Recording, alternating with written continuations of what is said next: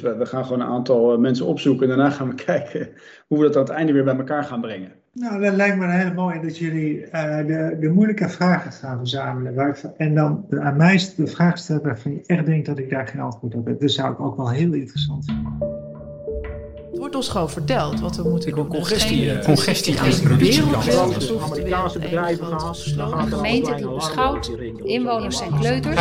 Ik ben eigenlijk heel benieuwd. Innoveer je daar niet voor? Ja, dat is een gewetensvraag. Nee, eh, slimste wijken bezig. Maar dat er ergens in Silicon Valley ook een eh, start-up eh, dit, eh, dit aan het bedenken is.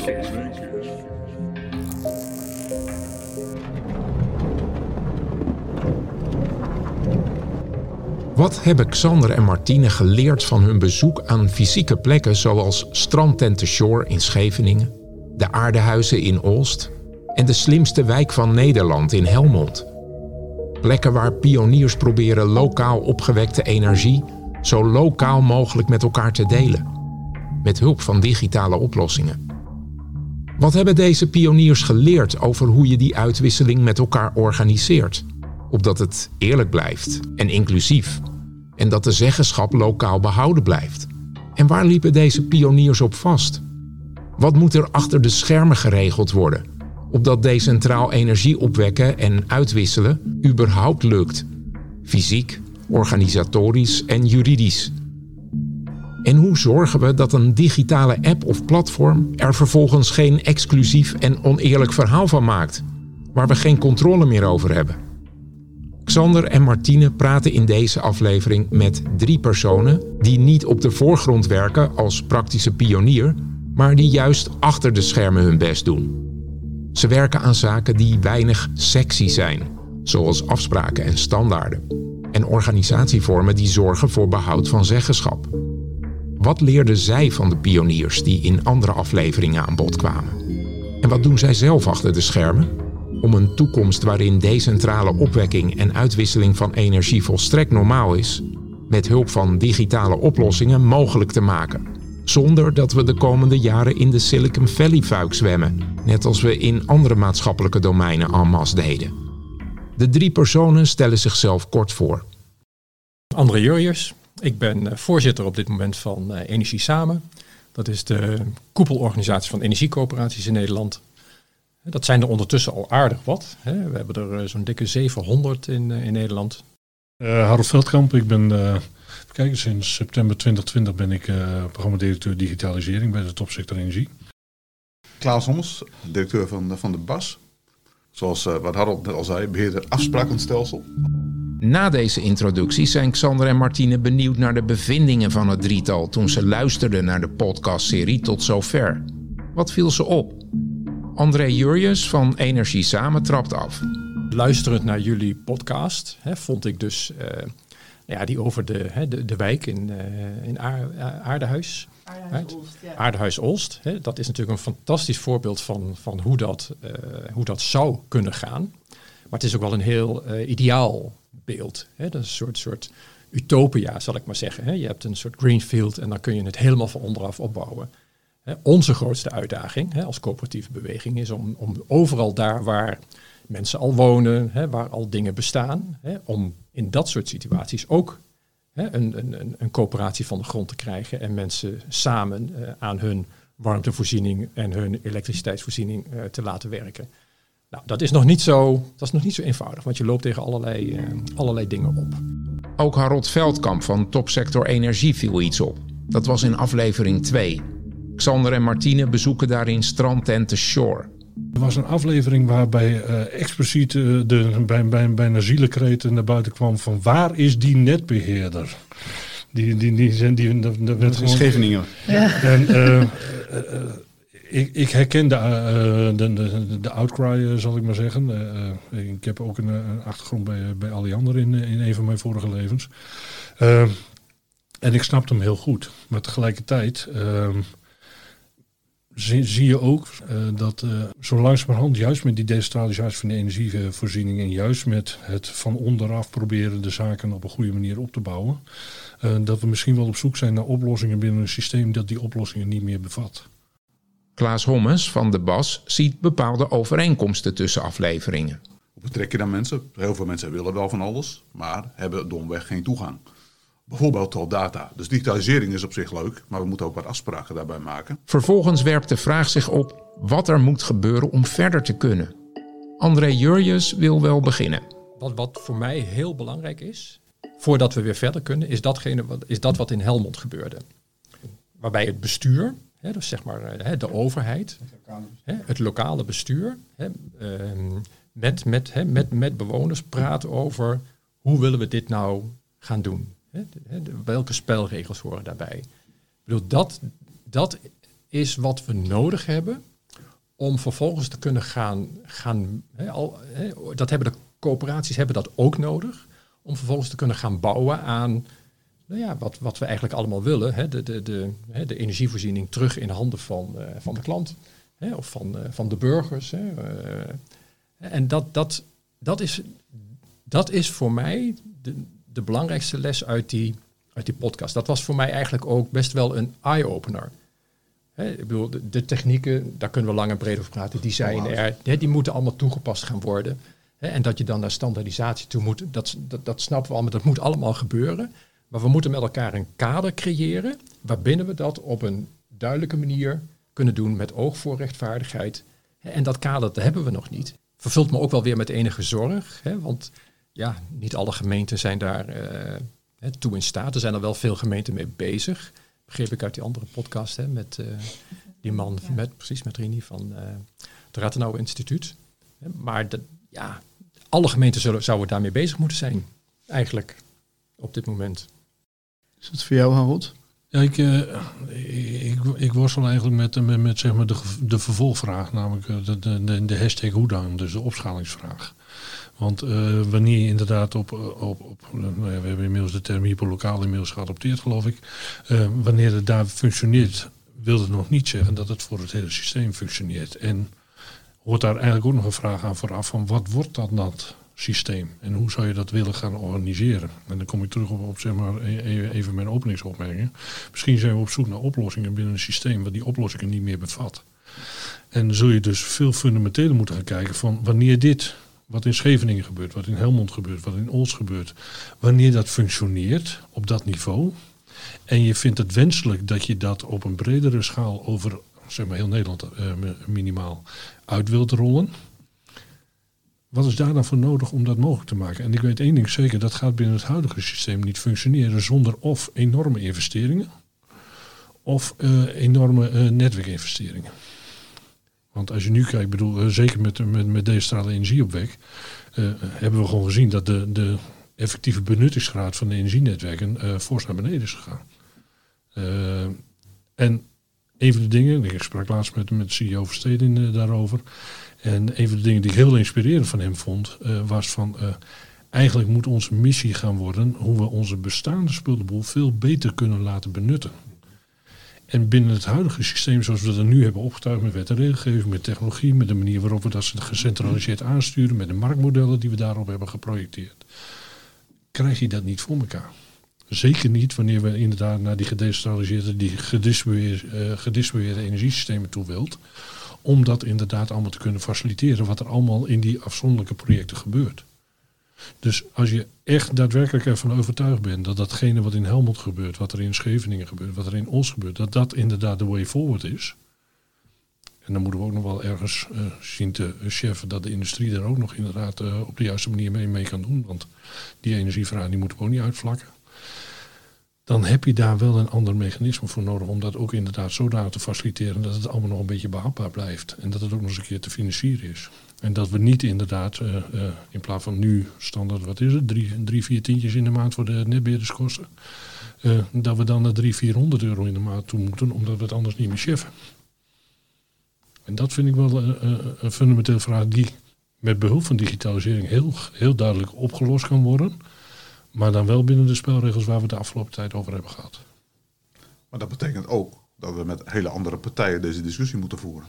Eens? Want laten we eerlijk zijn, we voeren heel veel van deze, deze discussies met de, ja, toch wel even de traditionele partijen in dat systeem. Die niet heel veel belang hebben om dat systeem aan te passen. Dus die ook vooral hun eigen, voor, voor, voor hun eigen belang redeneren. Eh, dat begint al bij de netbeheerders. Die zit ook in een bepaald wettelijk kader. Daar Ja, ook helder over zijn. Ja. Ik heb jarenlang met tennet gewerkt en een van de dingen waar ik mee begonnen ben was congestiemanagement. Ehm ja, daar hebben we hele politieke discussies over gevoerd. En waar ging het vooral om? Ja, dat is heel simpel. Eh, aansluiten en uitbreiden. Dat was eigenlijk het devies. Dat wij zeiden, ja, wacht even. Maar als wij deze aansluiten, weten we zeker dat we gewoon altijd congestie hebben. Eh, ja, daar gaan we niet over. Aansluiten, regel dat. En breid dat net dan maar uit. Dus het hele stelsel waar we dan in zitten, ja, daar moeten we dan ik wel eens heel kritisch naar kijken. Dus in die zin ben ik ook heel blij dat die, die coöperatie bijvoorbeeld ook bij het MFF aansluiten. Dat ook die prijsvergelijkers daar gaan zitten en zeggen, oh wacht even, maar dat is helemaal geen goed idee. Dat doet me heel erg denken aan eh, Job eh Swens eh, in Scheveningen. Die eigenlijk, we noemden dat dan een maas in de wet. Zocht om dit soort dingen wel te kunnen doen. Ja, Dus om eigenlijk... eh, maar het is toch gek? Het is toch ja, dus, dus, dus hij, heeft, hij heeft eigenlijk, zijn ze daar oplossingen aan het doen die je zou willen gebruiken overal. Maar hij heeft er nu een maas in de wet voor nodig. En dat doen we dus met heel veel dingen op dit moment. We gebruiken dus voor heel veel dingen maas in de wet. Dus corporaties bijvoorbeeld gebruiken een maas in de wet, worden ze even leverancier. En dan kunnen ze overal bij. Dat is toch raar dat we die randvoorwaarden niet kunnen invullen? En dat zit echt in het huidige systeem ingebakken. En ja, dan toch, want dan wil ik toch ook een klein beetje naar Den Haag wijzen. Als ik nu ook naar die energiewet kijk. Ik zei net al, die is bitter nodig. Maar gaat ook lang niet ver genoeg. Er zit ook nauwelijks visie achter. Koffie? Na een korte koffiebreak belicht Harold Veldkamp van Topsector Energie graag nog een andere, niet onbelangrijke speler in deze transitie: het bedrijfsleven. We zijn van nature natuurlijk wel genegen, zeker met deze voorbeelden, om, ons specifiek te focussen op, de, op dat consumentenniveau. Maar eh, wat we vergeten is dat natuurlijk een merendeel van het energiegebruik in Nederland gewoon door het bedrijven wordt gebruikt. En ook daar hebben we een verduurzamingsopgave. Ook daar moeten we zaken goed voor geregeld hebben. En die moeten eigenlijk, tenzij dat we nu vinden dat dat eh, separate systemen moeten gaan worden, maar die moeten eigenlijk functioneren binnen datzelfde systeem. Dus, eh, want persoonlijk geloof ik niet in eh, eh, een situatie dat iedereen het voor zichzelf volledig autark moet gaan regelen. Dus, eh, het is prima als je dat wil. Ook uitstekend als je dat op die manier wil gaan, eh, gaan functioneren. Klaas het er wat minder mee eens, maar daar krijgen we het zo meteen nog wel even over. maar er zijn gewoon systeemfuncties die met name heel erg kostbaar zijn om die zelf in je uppie te regelen. En dat het ook gewoon nog eens een keer verstandig is om het op een systeemniveau te doen. Dus wanneer je nu alleen maar focuseert op de burger en de bedrijven buiten beschouwing laat, eh, dan, dan mankeert er een force element in je, in je systeem. Ja, in de, in de aflevering van, de, van Scheveningen Strandtent eh, wilde Hans, de strandtent-eigenaar, eerst zijn eigen toko helemaal eh, off-grid halen. Dan kwam erachter van, nou, dat kan wel, maar ik ging groeien en had toch iets van zijn omgeving nodig. Nou, en toen leek het logisch om met al zijn collega-strandtenthouders dat te doen, maar dat was helemaal niet vanzelfsprekend. Dat kan nu helemaal niet. Dus dan, Nee.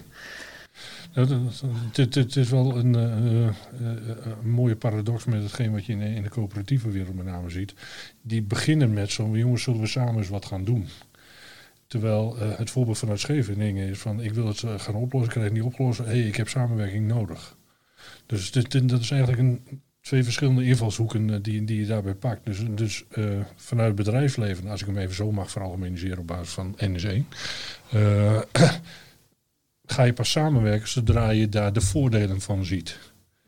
En vanuit de coöperatieve beweging, tenminste zo, zo- mijn begrip van hoe het ooit begonnen is, is dat ze eh, eh, elkaar eens hebben aangekeken. Goh, dit zou wel een leuk idee vinden, zullen we dat er samen op gaan pakken? Ja, nou is Hans denk ik weer een beetje een anomalie, want die deed het ook echt vanuit een soort intrinsieke je, voor de wereld het goede doen en dus mijn collega's er ook bij betrekken. Maar er zat inderdaad ook een aspect in van eh, ik kom er niet helemaal alleen uit.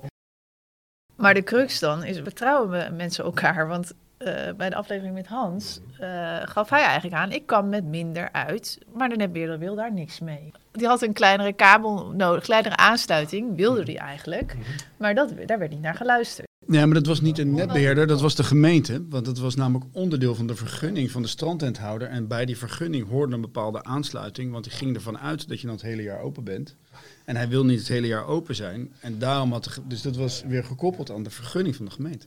Over, over, Dus het zijn allemaal afspraken en regels. En, en het staat helemaal los van de realiteit eigenlijk. Even, even ervan uitgaande dat dit is dus wat we willen. Dat, daar, dat hebben we volgens mij nu helder. Wat zijn jullie nou? Kun je niet één ding zeggen waar jullie zelf, even, even ieder voor, voor zich, wa- wat zijn jullie nou aan het doen om dit, deze gewenste toekomst mogelijk te maken? André, wat Door- doe je? Om dit mogelijk te maken, denken wij zeg maar dat we als energiecoöperaties ons eigen energiebedrijf moeten gaan oprichten. Hè, een, een, een administratief hè, vehikel om lokaal die vraag en dat aanbod bij elkaar te brengen. Daar hoort dus ook digitalisering bij, daar hoort zo'n Holon-organisatie bij. Hè, Maar dat is wat we willen doen. We willen dat zelf doen, zonder tussenkomst van een traditionele leverancier. Klaas, wat ben jij aan het doen? Ja, ik probeer de randvoorwaarden die André nodig heeft, die probeer ik voor elkaar te krijgen. En niet alleen voor André, hè, voor alle duidelijkheid.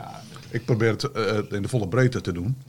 Eh, omdat het, het, maakt mij niet uit. Even, is wat dat betreft non-discriminatoire. Het maakt mij niet uit of je het nou eh, in een corporatie doet. Of dat jij toch je stroom bij een grote leverancier wilt halen. Ik vind dat we daar heel helder in moeten zijn. Alleen wel gelijke monniken, gelijke kappen. Het is niet zo dat we Google kunnen voortrekken. Omdat die van alles even heel snel kunnen regelen. Nee, daar gelden dezelfde principes voor. Het is uiteindelijk, dus het maakt mij niet uit of Google is of dat het andere een corporatie is. Het gaat mij niet om die twee, het gaat mij juist om die klant die erachter zit.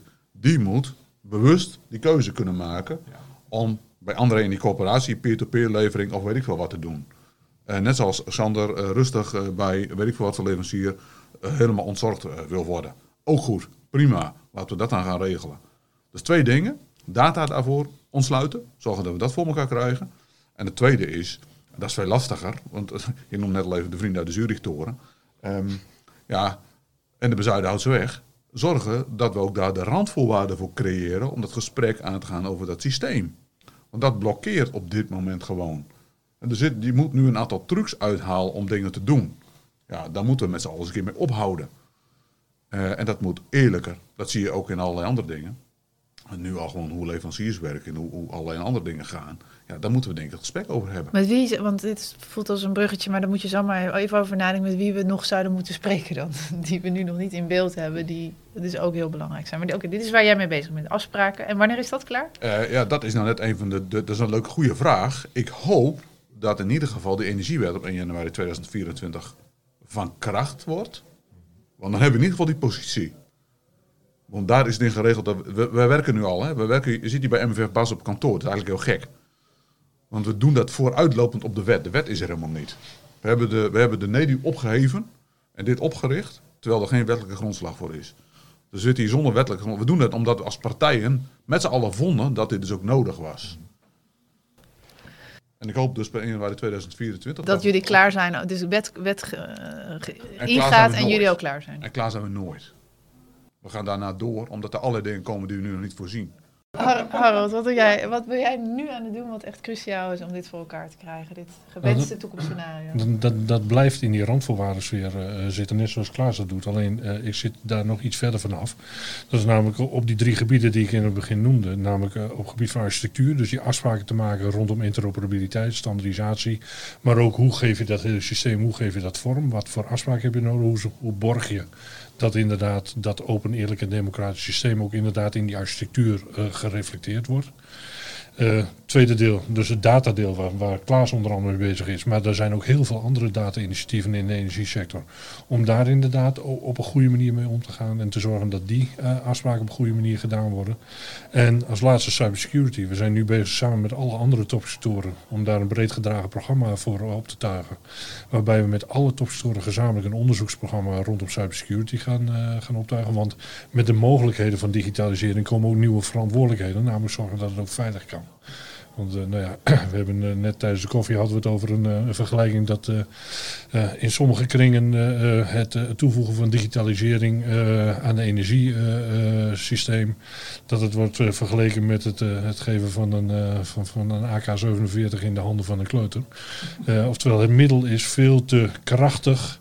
En ook, eh, kan ook zodanig misbruikt worden dat juist het hele energiesysteem daarmee onderuit gehaald gaat worden. Wanneer je niet weet waar je mee bezig bent. Dat sluit ook aan bij dat wat je eh, hiervoor ook al noemde. Rondom die capacity building. Dus zorgen dat mensen weten wat ze ermee kunnen. En dat ze daar ook op een goede manier de zaken in kunt zetten. Want digitalisering kan heel veilig ingezet worden. En wordt ook heel veilig ingezet. Ook in andere sectoren. Maar je moet er wel effort in steken. En je moet weten waar je mee bezig bent. Je moet dus ook kennis hebben hoe je dat op een goede manier doet. En die kennisontwikkeling, dat doen we op het vlak van cybersecurity, onder andere met het onderzoeksprogramma. Dat doen we met de universiteiten, met de HBO's, eh, eh, MBO's, eh, maar ook met de topsectoren en de bedrijven gezamenlijk. Om te zorgen dat we die kennis niet alleen krijgen, maar dat we die ook blijven borgen en ook verder uit gaan bouwen. Want één zinsnede uit het ICT-onderzoek, quantum computing, mag je gelijk weer vergeten, maar dat gaat de hele beveiliging van, van alles gaat dat op, op zijn kop zetten. Daar moet je dus op gaan voorbereiden dat du moment dat dat soort technologie in de marktplaats terechtkomt, dat je dus weet hoe je met behulp van nieuwe cybersecurity uh, uh, zaken daar ook weer het hoofd aan kunt bieden. Dat dat niet een, een zodanige bedreiging is dat je gewoon veel minder dingen kunt dan dat je hier voorkomt. Dank jullie wel voor dit gesprek. Na het gesprek met André Jurjes, Harold Veldkamp en Klaas Hommes beschouwen Xander en Martine hun zoektocht tot nu toe bij Xander aan de keukentafel. Wat is jouw conclusie van wat we in godsnaam gedaan hebben de afgelopen weken en waar we nu staan in deze zoektocht? Wat mij vooral bijblijft van al die afleveringen bij elkaar, is dat er keihard wordt gewerkt aan nieuwe oplossingen in dat nieuwe systeem, wat dan lokaler is en decentraler is, en dat er eigenlijk best heel veel mensen mee bezig zijn.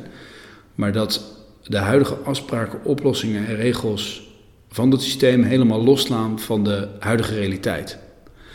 Dus dat wat er eigenlijk echt aan het gebeuren is, dat de huidige afspraken en het systeem daar helemaal geen ruimte aan biedt voor die nieuwe kansen.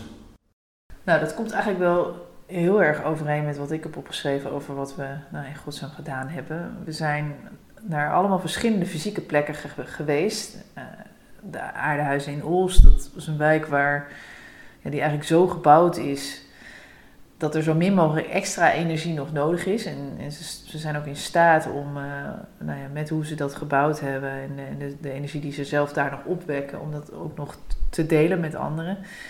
Uh, strandtent, strandtenthouder in, in Scheveningen, die natuurlijk op een plek zit waar heel veel zonlicht is en die winters niet open was. Dus nou, daarmee ook best wel snel zijn eigen token off-grid kon krijgen. Een, een wijk in uh, een, nieuw, een nieuwe slim gebouwde wijk in, uh, in Helmond en een, en, een, en een al bestaande wijk in Helmond waar een deel wel zonnepanelen heeft en een deel niet. Dus, dus we zijn naar plekken geweest met elke keer een andere fysieke realiteit als het gaat om energie, maar ook een andere realiteit als het gaat om welke bestaande spullenboel is er eigenlijk. En nou ja, op zo'n plek, op, op al die plekken, waren er dan vervolgens mensen. En, en wij troffen dan pioniers die um, daar ja, chocola van probeerden te maken. Van wat, wat dan die fysieke uitgangssituatie was. En, en die mensen die hebben elkaar nodig. Die wilden het samen doen. In Olst was het een hele gemeenschap. In Helmond een wijk. Ja, en dan gaat het uiteindelijk over wat we eigenlijk hebben gezien, is, is die uitwisseling. Hoe doe je dat nou eigenlijk? De kwaliteit van uitwisseling. En helemaal op het eind van het liedje uh, kwamen dan elke keer digitale oplossingen bij. En, en de, de generieke vraag die er elke keer doorheen speelde was van ja, wat zijn nou goede spelregels voor die uitwisseling?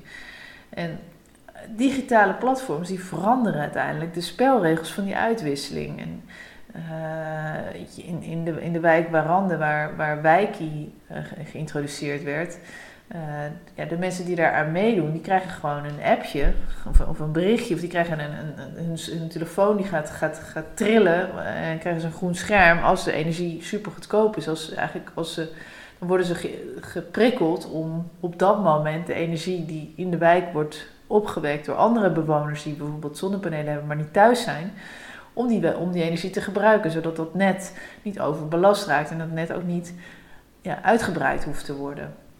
Nou, dat is in, in, uh, in uh, hebben ze met elkaar, uh, met hulp wel van digitale experts, een algoritme gebouwd, waardoor ze, ja, en, en met elkaar besproken over wat zijn nou de, de, de criteria op basis waarvan we beslissen dat jij, nou, wie, wie wanneer zijn wasmachine aan mag doen. En, en ja, wat doen we als we daar niet uitkomen met elkaar. Dat, is, dat is super dat zijn super goede stappen om eigenlijk dus die spelregels met elkaar te bepalen als het gaat om, om, uh, om die uitwisseling. Het energiedomein is, is eigenlijk best wel beschermd. En misschien is dat eigenlijk wel, ik, ik heb het gevoel dat het eigenlijk best wel heel fijn is. Want nou, wij hebben dan digitale oplossingen gezien, maar dat zijn nog, die zijn nog heel kleinschalig. En het gaat groter worden en, en, digitale platforms gaan steeds een dominantere rol vervullen om dat mogelijk te maken. Wat we daar hebben gezien op die plekken, maar die, die, die fysieke uitwisseling van energie en het nou, zorgen dat we die bestaande spullenboel zoals die er is, dat we die optimaal kunnen gebruiken, daar heb je dat gewoon voor nodig.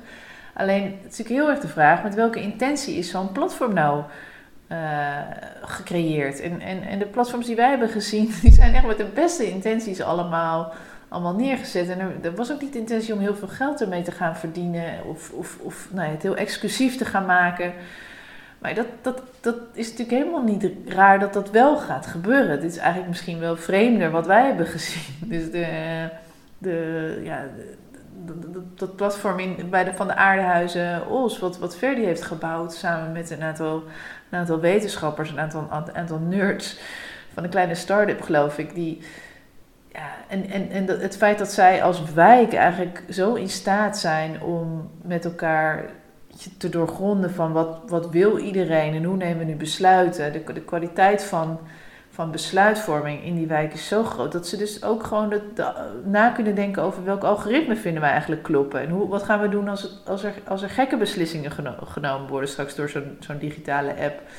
Ja, dat, dat, dat, stem, dat, dat vind ik heel geruststellend, maar dat is natuurlijk best wel de vraag hoe dat straks voor, uh, voor, voor de platforms die er aan gaan komen die een veel grotere schaal hebben. Ja, of het juist heel erg gericht is dat jij helemaal kan bepalen wanneer je wat aan of uitzet, maar dat je helemaal geen rekening houdt met de gemeenschap waarin je woont. Dus het kan alle kanten op gaan. Maar juist die gedachte uh, en, en, dat gesprek en dat met al die partijen die ook die nieuwe oplossingen ontwikkelen, uh, voeren, dat gebeurt volgens mij niet.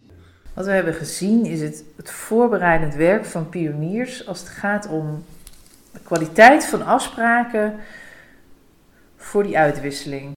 Maar ze hebben wel een maas in de wet nodig om dat te doen. Ja, ja, dus dat is bizar.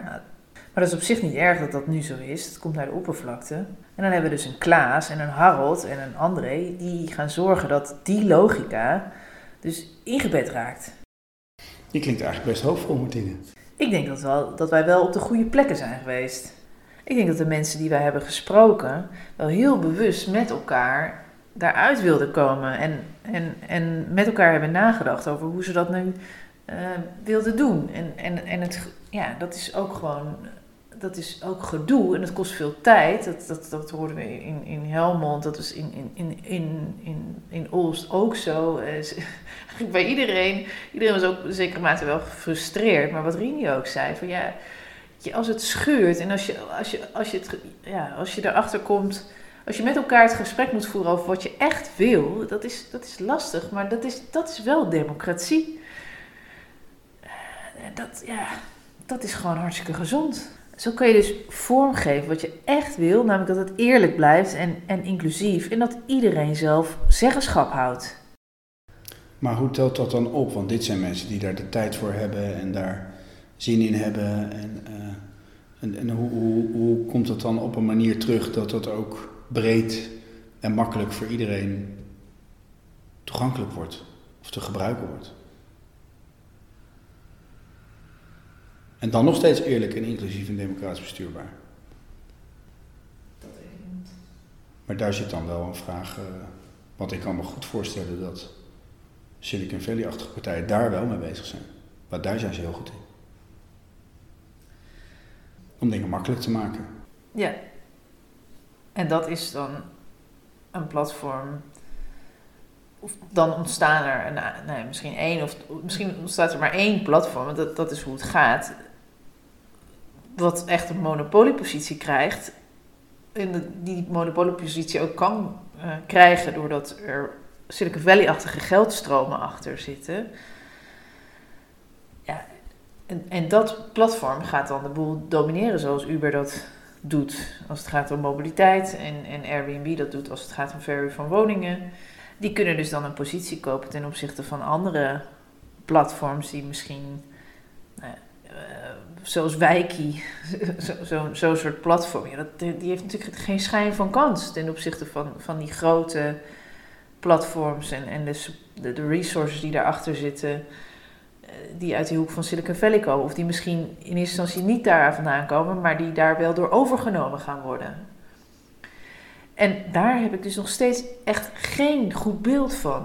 Wat, wat, ik, doe, ik sprak laatst iemand die, die vertelde van dat hij dan zijn bedrijf niet voorbereidt om overgenomen te worden door Silicon Valley. Maar hij gaf aan dat acht van de tien bedrijven die ongeveer hetzelfde deden wat hij deed, en dat, dat, dat noem je dan een home energy management systeem, dat die gewoon wel daarmee bezig zijn. Eigenlijk een bedrijf zo inrichten dat het, dus, dus de digitale applicatie, digitale platform zo ontwerpen dat het voor Silicon Valley mega interessant is. Is het dan niet een idee om ehm, op de volgende Club van Wageningen bijeenkomst eens vanuit een heel andere sector te kijken hoe het daar gegaan is? En andere sectoren. Uh, en samen te kijken naar ehm, hoe is dat daar gegaan en kunnen we daarvan leren voor de energiesector en dan te kijken met wie we gaan praten. Dan kunnen we ook eindelijk die moeilijke vragen van Pallas uh, eens adresseren. Ja. Ja. Dit was aflevering 5 van Met de Stroom mee. Op topsector energie slash MVI en clubvanwageningen.nl vind je ook alle andere afleveringen en literatuurlijsten per aflevering. Graag, want daar ziet het wel naar uit. Tot een volgende serie.